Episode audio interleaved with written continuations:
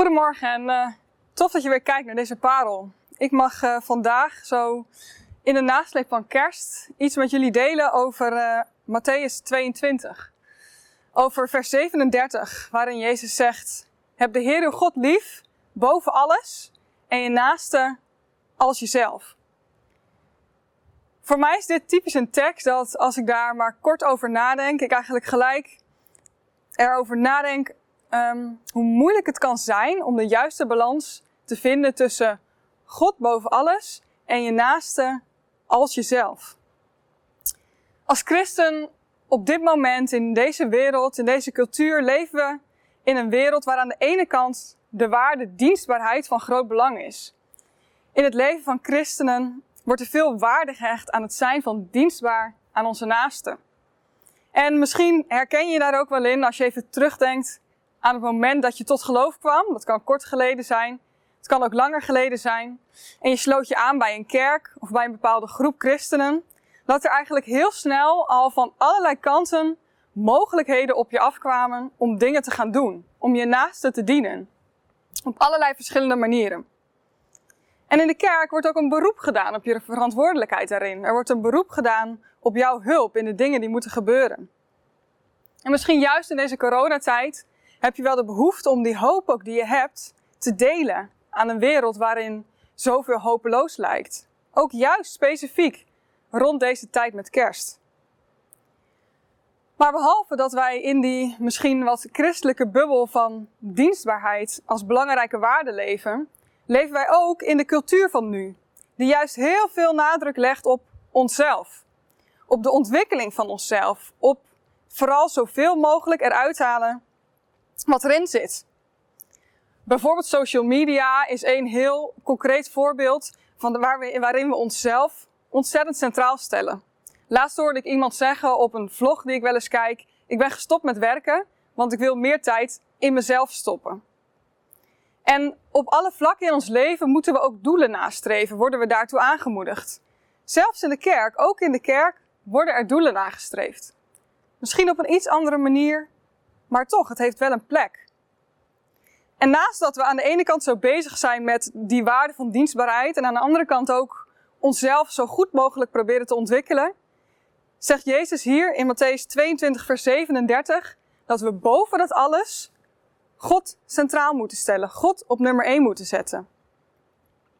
En soms kan ik dan wel eens denken van, maar we zijn al zo druk. We doen al zoveel voor onze naasten, we doen al zoveel voor onszelf. Waar halen we dan die tijd nog vandaan om juist God die prioriteit te geven? En zelf heb ik dat ook gemerkt. In mijn tienerjaren, zo rond mijn veertiende, kwam ik zelf tot een levend geloof. En al gauw raakte ik betrokken bij allerlei christelijke initiatieven. En was ik hard aan het werk om mijn naaste te dienen. Was ik hard aan het werk om mezelf ook te dienen. Ik zat in een leeftijd dat ik een studiekeuze moest maken. Ik wilde graag goed kiezen, want ik wilde kiezen voor op de lange termijn, voor een baan waar ik vervolgens ook plezier in had, waar ik wat mee kon. En uiteindelijk zorgde dat ervoor dat ik zo rond mijn twintigste compleet uitgeput was. Ik kon helemaal niet meer. Ik was moe. Ik was opgebrand. En dat dwong mij er eigenlijk toe om die tekst uit Matthäus 22, heb God lief boven alles en je naast als jezelf, opnieuw te gaan lezen. Want tot dat punt was het voor mij juist een tekst geweest die me had aangevuurd om me in te zetten voor mijn naasten, om er vol voor te gaan, om te bouwen aan Gods koninkrijk. Maar ik moest hem opnieuw gaan lezen en ik ben hem ook opnieuw gaan lezen. En dat wil ik nu ook met jullie doen. Uit Matthäus 22, vers 34 tot 40. Nadat de Fariseeën hadden vernomen dat hij de Sadduceeën tot zwijgen had gebracht, kwamen ze bij elkaar. Om hem op de proef te stellen, vroeg een van hen een wetgeleerde: Meester, wat is het grootste gebod in de wet? Hij antwoordde: Heb de Heer uw God lief, met heel uw hart, met heel uw ziel en met heel uw verstand. Dat is het grootste en eerste gebod. Het tweede is daaraan gelijk. Heb uw naaste lief als uzelf. Deze twee geboden zijn de grondslag van alles wat er in de wet en de profeten staat. En deze woorden waren al bekend. Ik zei het net al, ze hadden me juist aangevuurd. Maar toen ik deze woorden opnieuw las, vanuit een positie waarin ik was stilgezet, heb ik God gevraagd om opnieuw mij te helpen een interpretatie te geven aan deze woorden. En ik ben opnieuw gaan kijken en op dat moment haalde ik er vier waarheden uit die ik graag met jou wil delen. Als eerste zegt deze tekst heel duidelijk: God boven alles. En hoewel Jezus benoemt dat dat gebod over je naast en jezelf daaraan gelijk is, noemt hij dit toch het eerste gebod. Dat suggereert dus toch een bepaalde hiërarchie. En ik geloof en ik ben ervan overtuigd dat dat tegen ons wil zeggen dat ongeacht de fase van ons leven waar we in zitten, altijd de belangrijkste focus die op God mag zijn. Niet de focus op de dienstbare dingen die we doen, de taken die we vervullen, de waarden die we daaruit halen voor onszelf.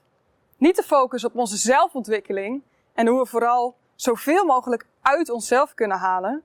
Nee, de focus op Hem. We moeten het allereerst bij Hem zoeken om rust te kunnen vinden, om te kunnen vragen welke kant we op mogen. Als tweede waarheid haalde ik uit deze tekst dat Jezus heel duidelijk zegt: er moet een bepaalde balans zijn tussen je naaste en jezelf. Dat zegt dus dat tijd voor dienen, dat dat goed is. Dat zegt ook dat tijd steken in jezelf, of dat nou in je eigen ontwikkeling is, of misschien gewoon een moment van rust voor jezelf, dat dat ook goed is. Maar wat als een paal boven water moet staan, is dat die beiden niet het doel van het leven zijn. Want datgene wat wij doen om te dienen in Gods koninkrijk, datgene wat wij doen om onszelf te ontwikkelen, zal nooit tot zijn recht komen als we het niet eerst zoeken bij Hem. En als je het hebt over je naasten, dan kan dat ook in verschillende fases in je leven over andere mensen gaan. Je kan bijvoorbeeld denken aan de situatie dat je een jong gezin hebt.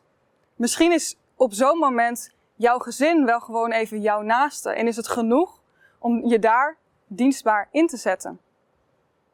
Of denk aan misschien als je ziek bent, dat je de mogelijkheid niet hebt om te dienen zoals je dat misschien zou willen of taken op te pakken zoals je dat misschien zou willen. Dus we mogen ook in die verschillende fases in ons leven weer naar God gaan om te vragen: Heer, wie is op dit moment mijn naaste en waar mag ik aanwezig zijn?